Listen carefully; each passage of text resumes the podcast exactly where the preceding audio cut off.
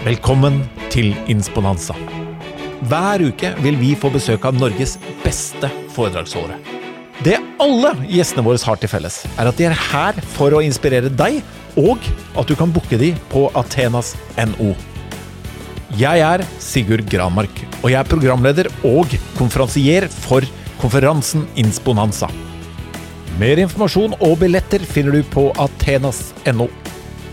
Velkommen til Insponanza. I dag så har vi en godbit med tanke på næringslivserfaring på besøk hos han. Mannen i stolen ved siden av meg har vært eh, europasjef i Gartner, og de som har jobbet litt, vet at eh, det er et sted hvor du lærer mye. Han har både norsk erfaring, internasjonal erfaring. Han har skrevet en rekke bøker. Han driver i dag Fjelstad og Partners, og han er ikke Partners, han er Fjelstad. Han heter Amund til fornavn. Velkommen til Insponanstad, Amund Fjelstad. Tusen takk. Tusen takk. Og så, ikke minst, er du aktuell med boken som vi har nå i løse papirer, men som i slutten av denne uka mest sannsynlig kommer i hardcopy, Karriereboka. Korrekt. Det stemmer. Hva er en karriere? Um, sånn som jeg definerer det, så er det egentlig det den, det den bør være for den det gjelder. Altså, jeg har, ikke, jeg har ikke en definisjon som er sånn eller sånn. Hver person må lage sin karriere. Så, så det, er, det, er, egentlig å finne ut av det. Hva er det for deg, eller hvem nå enn det gjelder. Og så prøve å få til det. Det er min definisjon. Jeg syns den er god. Ja. Fordi dette, den boka, Hvis vi starter litt med boka, da, ja. så er jo den uh, litt sånn spe, absolutt for alle, men mm. skrevet for en sånn, litt sånn spesifikk målgruppe 20 til midten av 30-årene. Ja. Og enormt formbare år. Ja, og veldig. Også sånn til man er i midten av 30-årene, så bør ja. du ha kommet Hvis du skal få deg en karriere som du i hvert fall har lyst til å ha, så bør du ha kommet et stykke på vei i den. Ja. Så hva tenkte du? Hvordan, hvordan, fant du ut at dette her må jeg skrive noe om? Ja, Det er flere årsaker. Jeg har en god kollega som heter Marianne, vi har jobbet sammen i mange år. Og når vi av og til tenkte på hva Altså vi jobber med spennende ting, lederutvikling og sånne ting i, i bedrifter. Men hvis vi virkelig skulle jobbet med det vi virkelig hadde lyst til, eller enda mer lyst til, så det, kommer vi hele tiden bak til å jobbe med unge mennesker og hjelpe unge mennesker fram. Så det var egentlig at tiden ble, var inne. Et par år siden sendte jeg, veit du hva, nå tar jeg en penn og en papir, og så begynner jeg å skrive. Så, så, så, det var liksom det som skjedde. Har du barn i, som har vært igjennom den alderen, eller midt i smørøyet der, eller? Nei, det har jeg ikke. Så jeg er ikke der jeg har det fra. men jeg, jeg, har brukt veldig mye tid også med ungdom før. Men det er egentlig bare noe jeg finner interessant. Og hva, hva, er det du har funnet interessant? Hvilken Vi, ehm, vi snakka litt om det i stad før vi gikk på her, men du har jo jobbet med, gjort virke som gjort en veldig grundig eh, studie på, på hva, hva, vi er opptatt av. Hva, hva, er det, hva er du har funnet interessant? Hva er funnene dine? Ja, det, det, jeg gjorde da, jeg begynte å skrive, men så begynte jeg å snakke med unge mennesker. og Hadde lyst til å gjøre skikkelig research. Jeg begynte å intervjue. Først ganske mange i Norge, etter hvert internasjonalt. Så jeg har sittet og snakket med folk fra Canada i nord til India, Sør-Afrika, Japan, egentlig overalt. Veldig interessant. Kult. Um, for det første forbløffende likt fra sted til sted. Altså Unge mennesker tenker veldig likt, da. Uavhengig av hvor de befinner seg hen. I hvert fall min erfaring. De har de samme drømmene, de samme bekymringene, de samme spørsmålene. Og det jeg også fant, var at de, de er veldig spørrende på veldig praktiske ting. Altså helt sånne Altså, hvordan opptrer jeg i møter? Jeg skal begynne å jobbe. Hvordan, jeg møter, eller hvordan leder jeg et møte, for ikke å snakke om? Hvordan, hvordan er jeg ambisiøs uten å fremstå skrytete? Hvordan, hvordan, er det lov til å snakke om lønn? Hvordan skape god relasjon til sjefen? Hvordan, hvordan bli en person som andre har lyst til å jobbe med? Det er et helt genialt spørsmål. Så, så det var veldig mye sånne praktiske ting. Og så fikk jeg lyst til å skrive en bok som skulle vært den boka jeg skulle ønske jeg sjøl hadde. Fordi faktum er at veldig mye her er jo erfaringslæring.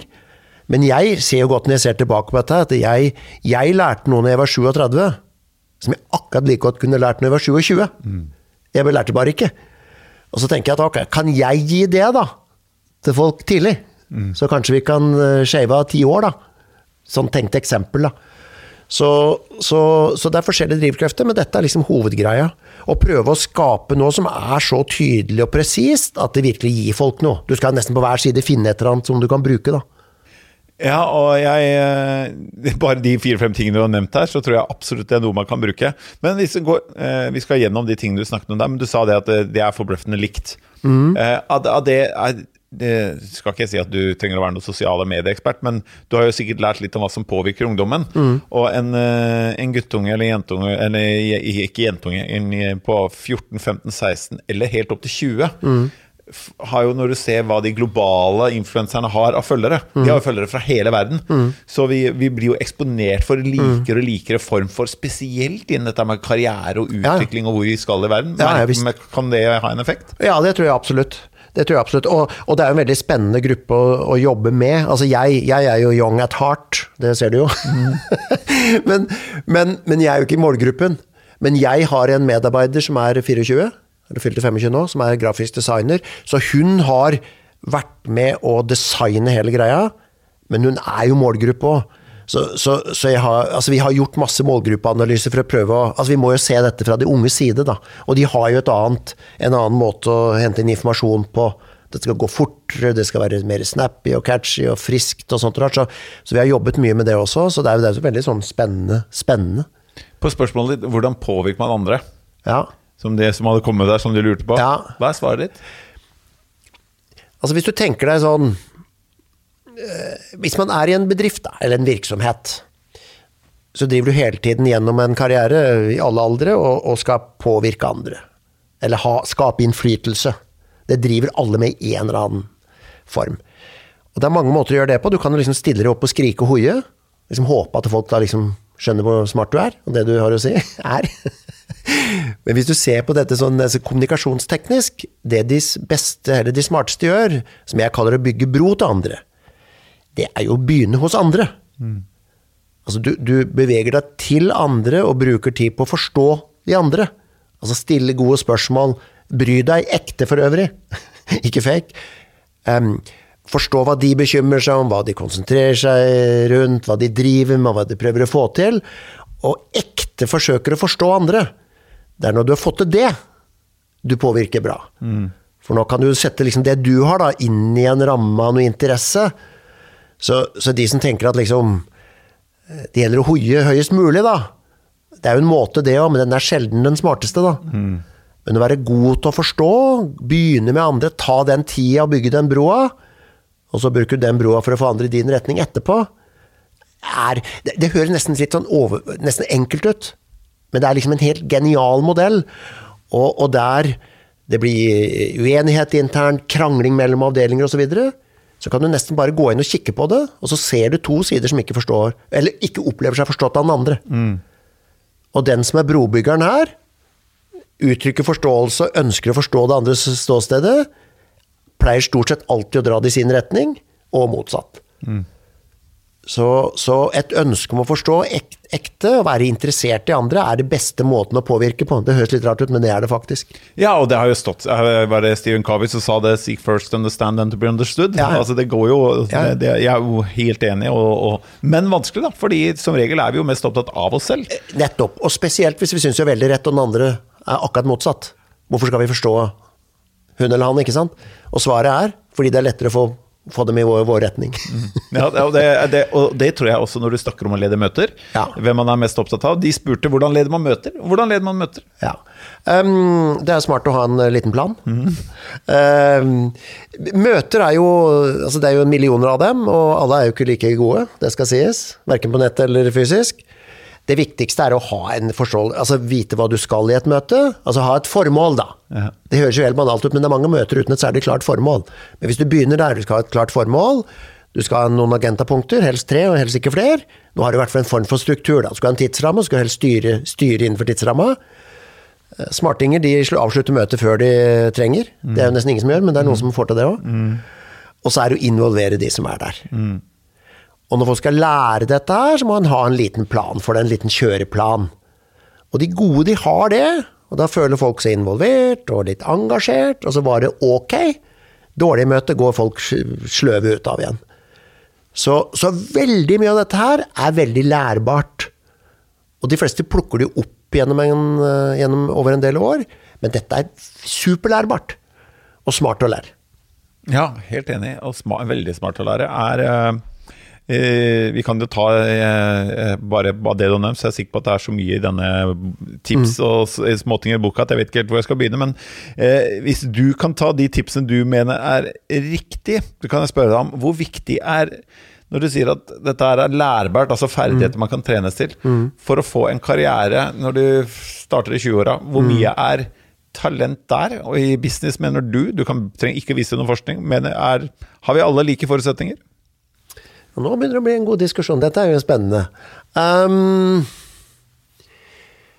altså, jeg, jeg er av de som er en big fan av at folk skal forstå, kall det verdiene sine. Altså drivkrefter, hva, vi, hva, hva motiverer seg av. For som utgangspunkt så får jeg til mest og best når jeg holder på med noe av det. Det er ganske åpenbart, men, men, men det er jo mange som jobber med ting de egentlig ikke øh, kanskje nødvendigvis setter så pris på. Av alle mulige rare årsaker. Altså forventninger fra omgivelser og samfunn, og det er, det er veldig mye som styrer oss. Men å forstå hva vi motiveres av, og i utgangspunktet jobbe med det, er smart. Gjør vi det, så ser ikke jeg noen grenser for noe som helst. Men igjen, det kommer jo an på hva den enkelte ønsker.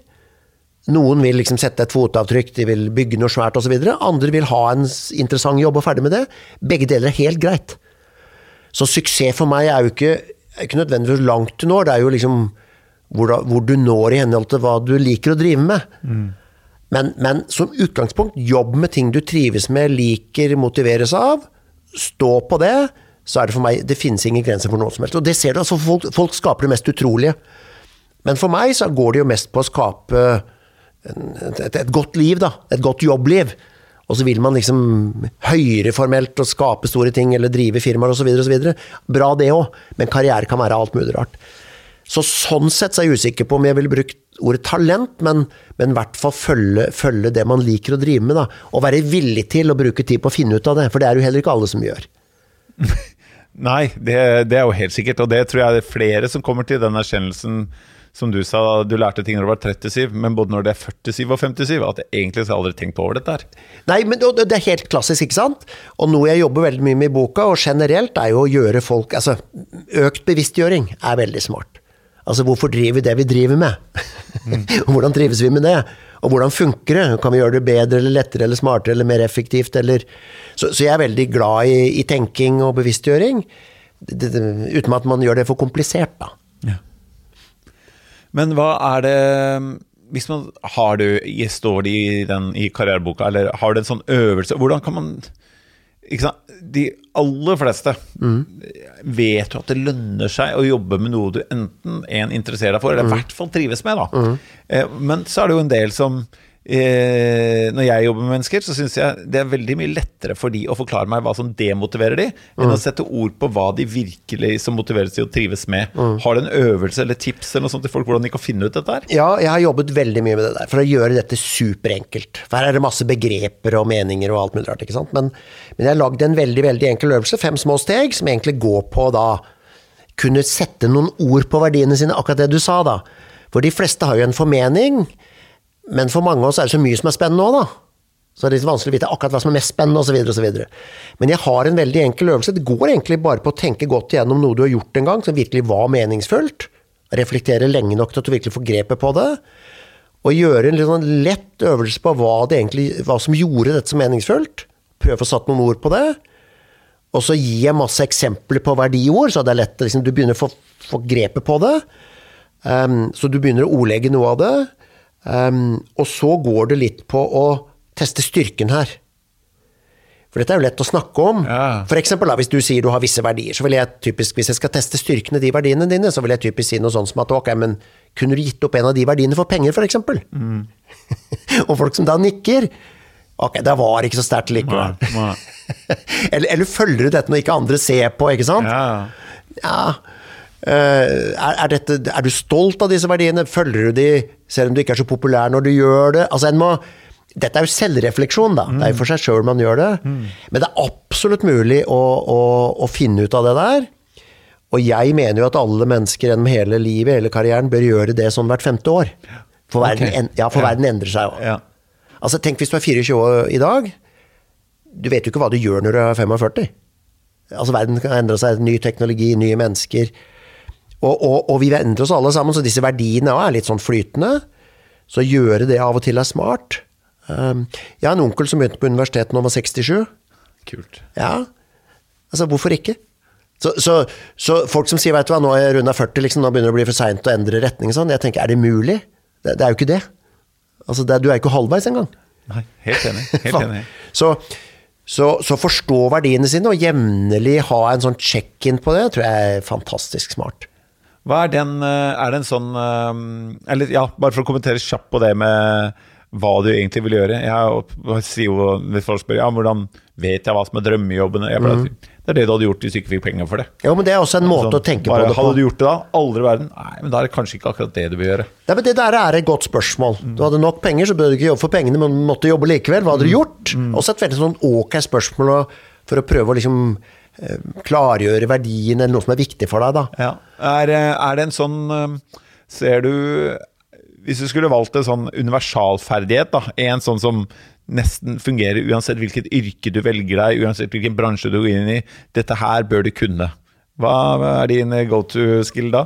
Um, ja, nå har jeg ikke akkurat skrevet om det, men hvis jeg kan svare på det likevel. Jeg tenker nok at fleksibilitet, tilpasningsevne, er nok i hvert fall veldig høyt på den lista. Altså at du evner å tilpasse deg situasjoner, ikke skvetter til for fælt når noe skjer. Du er, du er fleksibel. Det handler jo om å kunne snakke med gammel og ung. liksom forskjellige personer, håndtere situasjoner. Jeg, jeg, vil, jeg anbefaler alle å jobbe med å bli mer fleksible, fordi du, du, rett og slett håndterer mer av verden. Så det er nok kanskje den jeg hadde valgt. Flere Ja. gir i bilen. Ja, Høres smart ut, det. Og den, eh, også det med, som du sier, med gammel ung, det å være god med mennesker, da. Ja, ja. Menneskeferdigheter. Å være interessert i mennesker fra tidlig av, tror jeg. Altså, lære seg å lese de, snakke med de, omgås de. Ja, og, og lære mer. Jeg, I denne boka, altså, altså Før jeg begynner hele boka, så har jeg skrevet noen, noen, noen faktorer som påvirker karrieren, som ikke har noe med faget ditt å gjøre. Og der er jo mennesker. Altså Uansett hva vi jobber med, så jobber vi med mennesker. På et eller annet vis. Interesse, prøve å lære av dem, stille spørsmål, skjønne når noe skjer. Være villig til liksom å bevege seg til andre. Jeg tror det er helt super, superviktig. Ikke bare karriere, da, men livet også. Så forstå mennesker, være nysgjerrig på mennesker, er kjempeinteressant. Hvor viktig er det som eh, I hvert fall i starten av min karriere, og nesten hele veien mens um, ja, mellom Jeg er såpass gammel at jeg tror ikke det eksisterte nesten mellom eh, fra jeg var 20 til 34.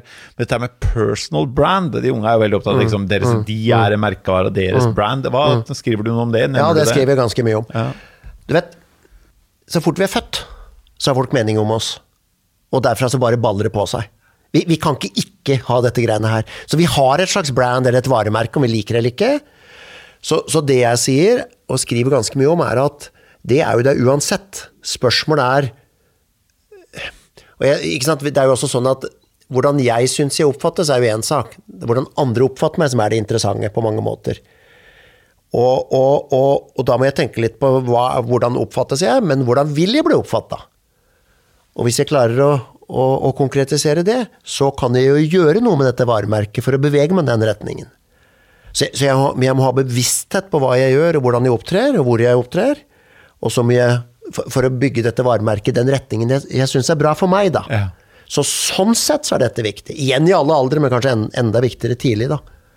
Ja, altså, ja, men jeg syns jo i uh, unge, sånn som når det gjelder eh, at alt kan bli filma hvis du Ja, ja. eh, er ute i dag. At, Ja. Hvordan du opptrer i sosiale medier. Jeg syns jo ofte mine barn er flinkere Ja. til å rådgi meg eh, på det enn andre voksne, og hvor Ja. bevisste de er på det. Ja. Men også syns jeg mange eh, godt etablerte, erfarne i eh, næringslivet også er helt ubevisste det. Ja. Eller nesten som blindside. At Ja, ja. eh, både sine sosiale mediekontoer, eh, ved hva de støtter. Apropos disse dager hvor, eh, hvor eh, folkevalgte får litt støtte i forhold til hvordan de behandles. Ja, ja. Hvor det sitter folk som er helt ubevisst på at alt det du skriver der, ja, det leser alle kollegaene dine, kundene dine, venner, det er deg. Ja, ja. Så vi, vi glemmer det jo litt i voksen alder òg. Ja, men ikke bare litt. Altså, hvis du titter på altså, jeg, jeg har f.eks. jobbet med en, eh, et firma en gang som hadde dette med å være presis med en firmaverdi. De var aldri tidsnok i møter. Da er du ikke presis. Og folk må forstå at det er dette som synes, da. Og folk snakker om at de er strukturerte, og så glemmer de, en, de glemmer noe hver dag. Du er ikke strukturert, da. Da må du ikke si at du er det heller, ikke sant? For, fordi da, da, blir det sånn et ullen bilde, da. Og, og, vi kan jo alle ha noen svakheter og sånn, men bevissthet på dette her er superviktig. Det er superfort gjort å glemme. Og dette er ikke hva du sier, dette er hva du gjør da, som bygger dette brandet eller dette varemerket. Det er kjempeinteressant. Ja, og jeg tror alle burde da lese det, den biten du har skrevet om det, og være, være bevisst på det. Fordi eh, ja, det er eh, hva du har kunnet en gang. Og jo lengre det går siden utdannelsen din, jo, lenger, jo mer aktiveres hvem du er, og hva du gjør, og hva du har lært underveis.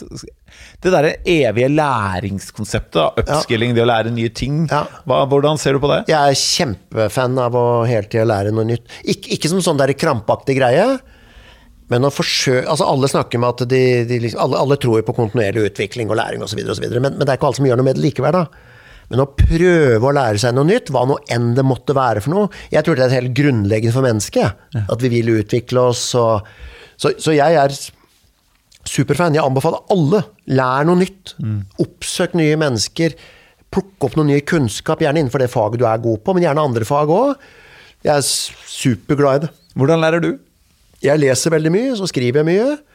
Og så er jeg Jeg prøver å være super open-minded. Jeg har interesser i mange retninger av folk i mange leirer som jeg kjenner, og jeg syns rett og slett det er supergivende.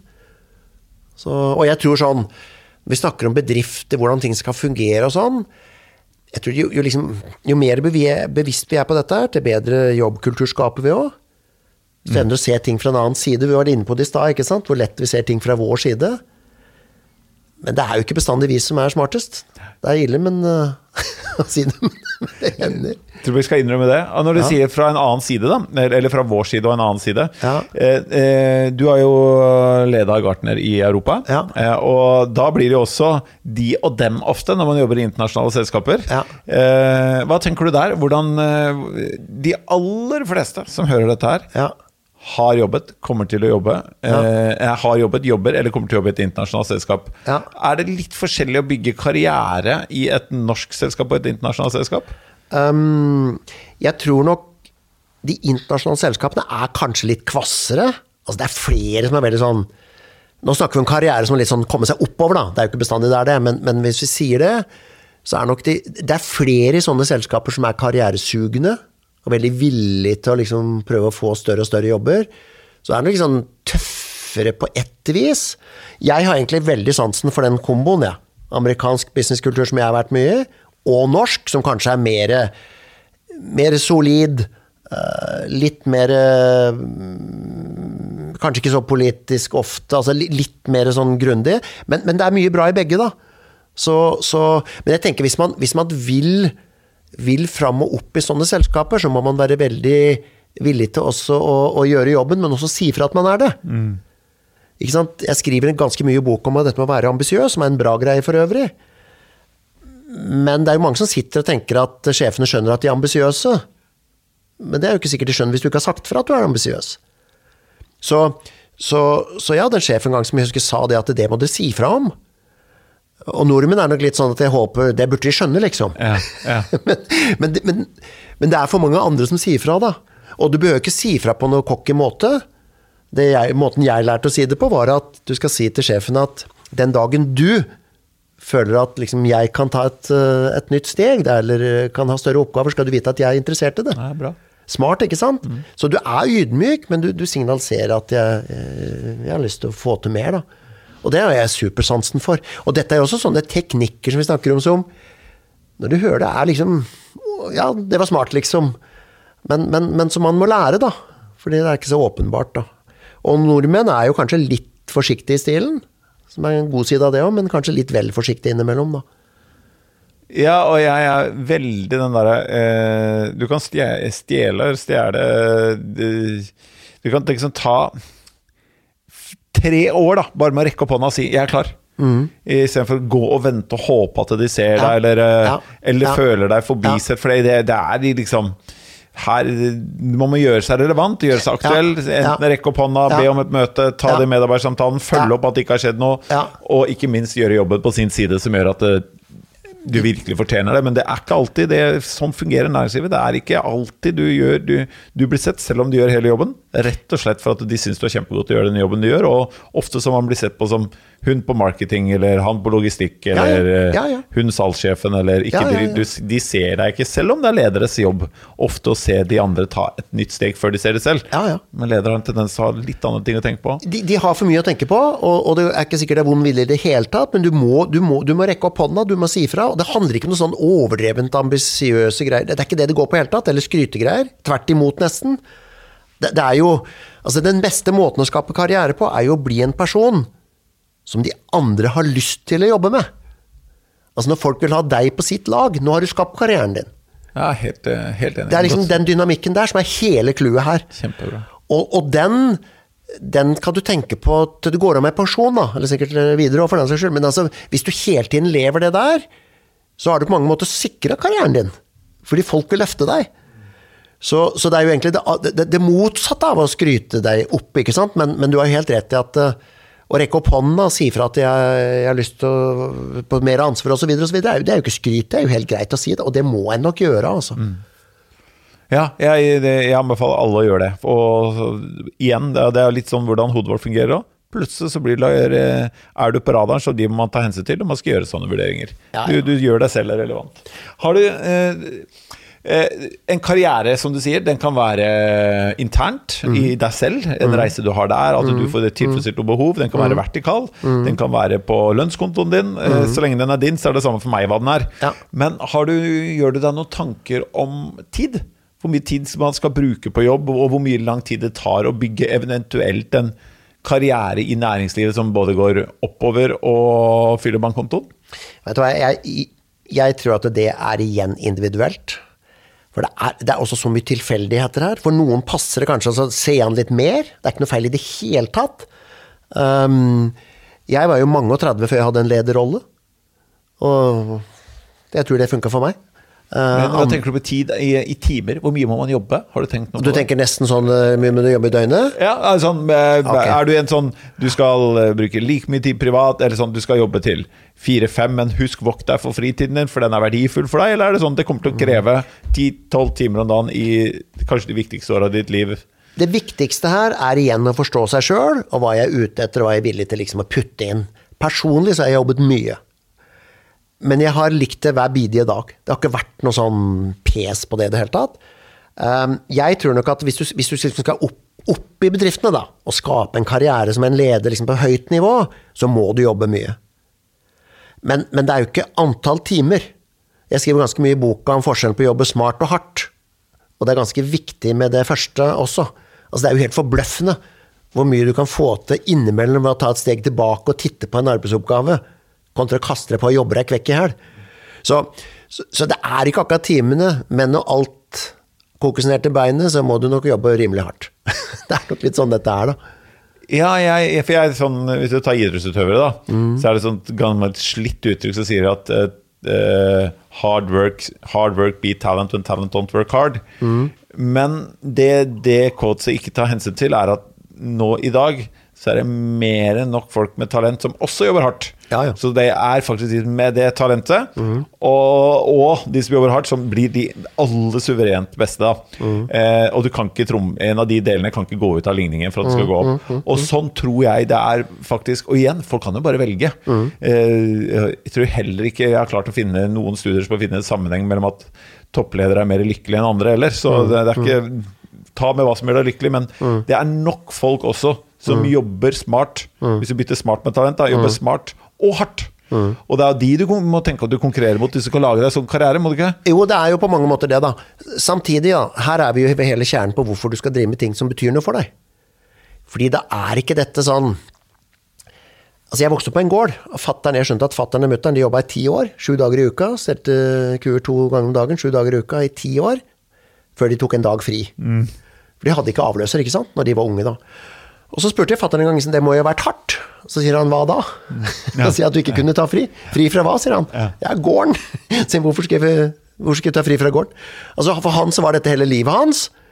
Så for han så var det en sånn derre Fri? Hvorfor skal jeg Han ville jo ikke sitte på stranda, ikke sant? så, så det, er kanskje, det er kanskje overdrevent, da, men, men, jeg tenker nok at når du jobber med ting du er glad i og driver med som betyr noe for deg, så er heller ikke liksom å jobbe hardt plagsomt på noe vis. da. Så, så, skjønner vi at du må sette noen grenser innimellom, og noen kan jobbe for mye og bli sliten og sånn, men, men, innenfor rimelighetens grenser. Men det er jo når du jobber med noe du ikke brenner for, som kanskje ikke er i tråd med verdiene, og, og, og, du tenker at det er riktig for meg å gjøre sånn og sånn og jobbe ekstremt hardt for å nå disse målene, som når andre driver og dytter på meg. Det er nå du må bremse. Og det er ikke bra, og det kan være øh, skadelig, da. Ja, og, og, der tror jeg virkelig noen bør stoppe. Før, og der også kan bare halv, eller måneder gå til halvår, og halvår blir til år. da ja, ja. Man står i relasjoner med arbeidsgivere eller sjefer eller ledere som man ikke burde være i. Så at du blir syk av det. Ja, ja, og det er mange nok som, eh, som våkner midt i livet og lurer på hva de egentlig har brukt eh, jobblivet sitt på så langt. Ja. Og blir sliten av det. Det er mange, mange det. Ja, jeg eh, bruker å si at livet er den viktigste delen av næringslivet. Ja, og hvis livet ditt blir dårlig av næringa, da bør du bytte ut næringa, for livet ditt det står der uansett. Dette er gode språkbilder. Du fikk eh, litt eh, Jeg vet ikke om noen ønsker mer oppmerksomhet enn andre. Om du fikk ønsket eller uoppmerksomhet oppmerksomhet rundt dette med syv ting, eller syv ledere du ikke vil jobbe for, stemmer det? Ja, hva, hva, tenker du rundt dette med dårlige ledere, som det var en sak om i VG? jeg skriver ganske mye i boka om dette. Nå er jeg opptatt av ledelse. Det er gode ledere, det er dårlige ledere. Det er ca. 50-50. Og, og, jeg pleier å si at en tredjedel av lederne der ute er gode, en tredjedel er sånn helt greie, en tredjedel skal du ikke jobbe for. Men, men sammenhengen jeg skriver eh, rundt dette, er jo at jeg er først og fremst ute etter de lederne som ikke er bra for karrieren din. Ikke nødvendigvis dårlige mennesker eller skadelige, liksom, men, men, men de er ikke bra for karrieren din. Og Det er derfor jeg skrev et ganske stort stykke i boka om ledere du ikke skal jobbe for. Litt hvordan du oppdager dem, og litt hva gjør du hvis du sitter og jobber for en dårlig leder? Og dette er, Vi sitter og smiler og hygger oss nå, men dette er jo et superinteressant eller viktig tema, da. Altså, Jeg så en studie fra BI. Det sies at over 50% av arbeidsstyrken peker på nærmeste leder som den verste enkeltstående stressfaktoren i jobben, og det er jo helt vilt. Mm. Så så, så, jeg er veldig bevisst på at folk må spesielt tidlig i karrieren, du må jobbe med gode ledere som kan Altså en god leder kan gi deg vinger og være gull verdt. En dårlig en kan ødelegge karrieren eller stoppe karrieren din. Så sånn sett er det viktig. Problemet ligger jo hos bedriftene, som forfremmer, rekrutterer og lar dårlige ledere sitte i stillinger. Og dårlige da i forstand av ikke egner seg til å lede. Og hva er, de har kanskje, hva? hva er trekk ved dårlige ledere som du bør øh, være obs på? Ja, nå har jeg skrevet om syv veldig tydelig, da, men, men trekken er jo veldig ofte at de er eh, de er typisk veldig dårlige på å skape god, god altså, tilbakemeldingskultur. Altså det, er, det, er lite, det, er, lite, tilbakemelding, og tilbakemelding er viktig for oss for å utvikle oss. Litt korrigering, litt ros, ikke sant? Alle mennesker trenger å bli sett. Um, så ofte dårlige ledere er veldig dårlige på det der et kjennetegn er at, de, de, de, har liten bevissthet på hvordan de påvirker andre. Eh, det kan hende de er dårlige De vet ikke at de er dårlige, de tror kanskje de er flinke. ikke sant? Eh, de, de er dårlige til å hente inn tilbakemelding. Ekte, gode ledere er veldig villige til å hente inn tilbakemelding på hvordan de opptrer og opp, opp, oppfattes. Og, og, er, e, og ekte interessert i å rette opp på ting. Dårlig er det ikke. Lederen som ikke vil ha kritikk, er en av de sju. Hvorfor skulle hun eller han ha kritikk? De er gode, ikke sant? Mm. Og dette er ødeleggende mange steder, altså. Så, så det, det, det, er jo gammelt nytt, dette her, men, men, men, jeg tenker at dette er noe som virksomheter burde gjort enda mer med. Det er for mange mennesker, hvis vi tror på tallene fra BI, og det er helt overbevist om stemmer, det er for mange mennesker som mistrives pga. lederen sin. Og det er ikke bra. Jeg tenker mange av de lederne hadde kanskje hatt det mye bedre i operative jobber. Du setter den beste ingeniøren til å bli avdelingssjef, eller den beste selgeren til å bli salgssjef. Sjelden god leder av den grunn. Jeg trenger ikke å konkludere noe, jeg er helt enig hele veien her. Det, og eh, jeg, eh, jeg, er overrasket over eh, den gjentagende tabba med å hvordan man ødelegger med eh, faglig dyktige personer. Enten som du sier i salg eller i et eller annet mm, faglig mm, mm. Eh, miljø. Eller hvor, i mange selskaper hvor det er høyt utdannede mennesker, hvor faktisk det å være leder, det er liksom ja, du fikk med personal på kjøpet, liksom. Det, Jo, du vil egentlig det- helst bare snakke om fag, men så fikk du med personal, og, og, Ja. og det omtales fortsatt som personal på kjøpet. Ja. Så, Ja. så egentlig det du har blitt forfremmet til, er å jobbe med mennesker og utvikle mennesker for å realisere fremtidige mål, da, og menneskelig vekst. Men så blir det helt sånn Det er pain med å være leder. Ja. Nei, det, det er helt forferdelig. Og, og de kan jo umulig trives med det sjøl heller.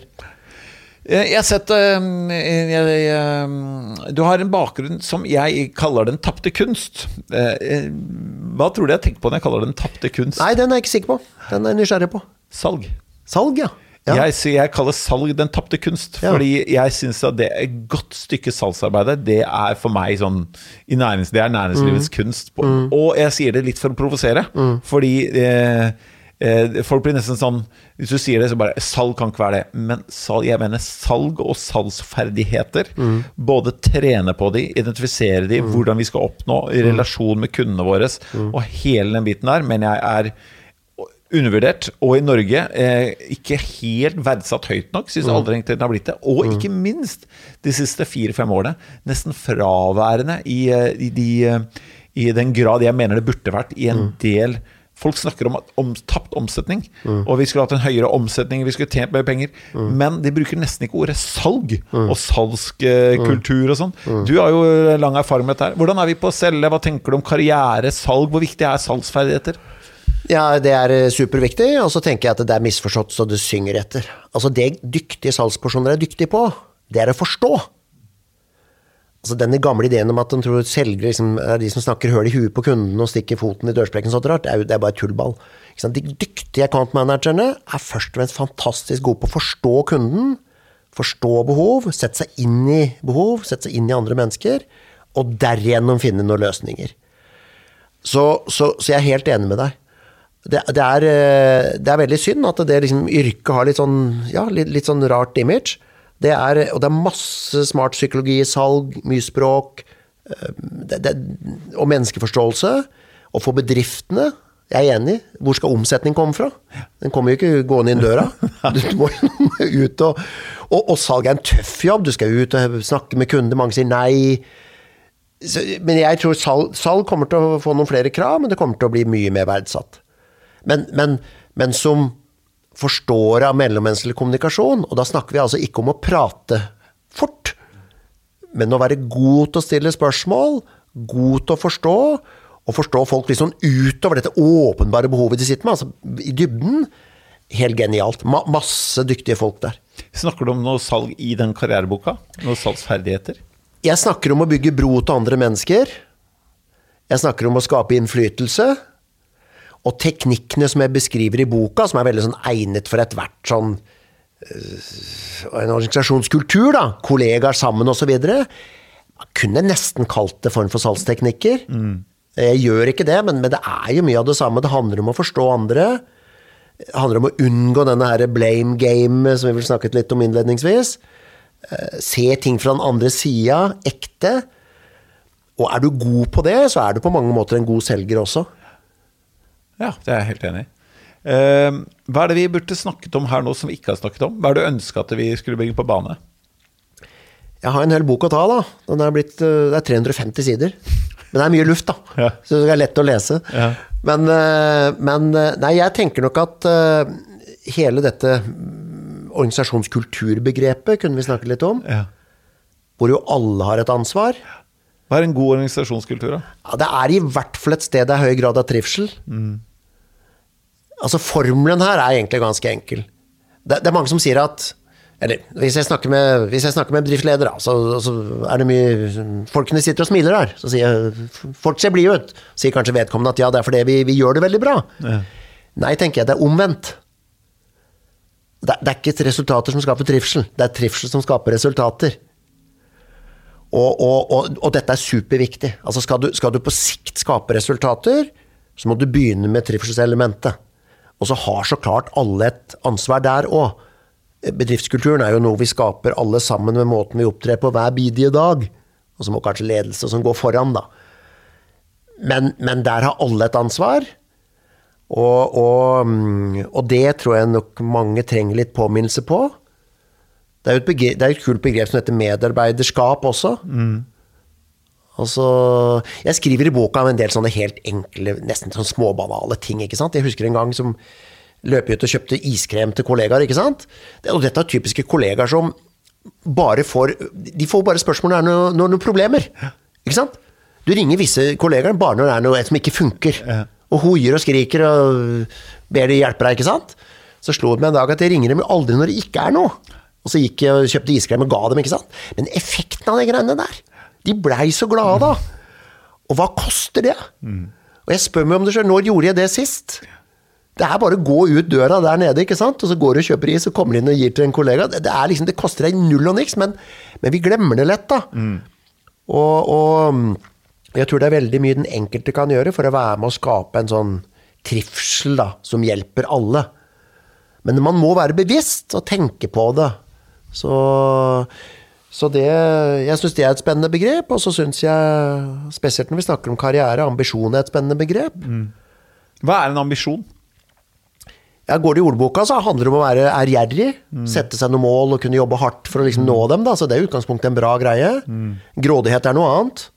Er, Ja, for det, vi, vi var innom det å ha ambisjoner og si fra at du hadde det i stad. Ja. Men da, akkurat det her syns jeg er spennende. Hva er forskjellen på en ambisjon og grådighet? Nei, grådighet grådig? er nok den, den er for det første mye mer selvsentrert, veldig mye makt, pengeorientert, snarveisorientert. Ja.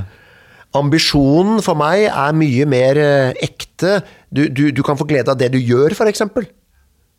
Altså, du, du, du Ikke nødvendigvis dit du skal. Altså, du, du, du er det er mer ekthet i det, da. Det motiverer for kreativitet, eh, hard jobbing innenfor rimelighetens grenser. Og så er jeg veldig opptatt av, spesielt når jeg snakker med unge mennesker, at ikke dette blir en sånn tvangstrøye. Så i mitt hode, ja, vær ambisiøs. Gjør alt du gjør, over snittet. Men det betyr også at du skal tørre å gjøre feil over snittet. Du skal koble ut mer enn snittet. Ja. Du, du, du skal ikke være redd for å si noe i forsamling mer enn snittet.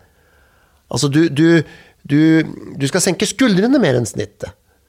Det er nå du er ambisiøs på en smart måte, tenker jeg da. I, ikke sånn slitsom ambisjon. Du vil noe, men, men du også tør å, du tør å feile, da. Og disse tingene her, som en del unge kanskje sliter litt med, fakt eldre for den saks skyld. Ja, eller også en del Ja, organisasjoner ja, ja. som jeg hører at de sier at ja, det, det er lov å feile, men Ja. i møtet etterpå, da, eh, eller Ja, ja. når de evalueres, så er det ikke så greit å feile allikevel. Så dette gjelder også ledelsen rundt omkring. Ja, altså, bare si ifra når, når det er noe du ikke forstår, da. Hvor mange ganger du sitter i et møte. Jeg husker jeg satt i møte og tenkte jeg dette skjønner jeg jo ikke. Så jeg hadde lyst til å rekke opp hånda, ikke sant. Og jeg var veldig ung, så tenkte jeg nei, det, det er litt dumt å spørre, ikke sant. Alle syns jeg er dum, ikke sant. Den dagen jeg turte, så forsto jeg jo at resten av rommet satt og lurte, de òg. Så jeg har etter hvert blitt veldig vågal med det. Hvis det er noe jeg ikke forstår, så sier jeg fra. Nå falt jeg av. Det begrepet, den forkortelsen, hva er det det er for noe? Jeg, vi- må bare bli gode på det, fordi å sitte og late som vi har skjønt noe vi ikke skjønner, da. I møte etter møte, det er jo helt vilt. Du får ikke noe framgang av det. Nei, du får ikke noe framgang med det, men du kan få framgang med å ta kontakt med Athenas. Også hvis du, du trenger ikke være veldig vågal engang, men hvis du spør et Mr. Fjelstad og snakker om karriereboka og det å Spesielt, du kommer til å ha masse De fleste enten har eller kommer til å få mange mellom 20 og 34 år i organisasjonen deres hvis dere skal lykkes, for de må du ha med deg. Og husk at dette er en full sirkel. Det gjelder deg, det gjelder meg, det gjelder alle mulige aldre. Så tar du og snakker med Athenas, spør etter Mr. Fjelstad, og han kommer kanskje med boka si under armen, kanskje med en eksemplar til de også, og skal han fortelle dere mer. Og jeg, eh, jeg vet at eh, emnene er enormt mange, men hvis vi snakker med deg, så finner dere helt sikkert ut hva du burde snakke om for enkelte selskap. Tusen takk for meg. Det var moro. Tusen takk for at du kom. Hver uke vil vi få besøk av Norges beste foredragsholdere. Det alle gjestene våre har til felles, er at de er her for å inspirere deg, og at du kan booke de på Athenas NO.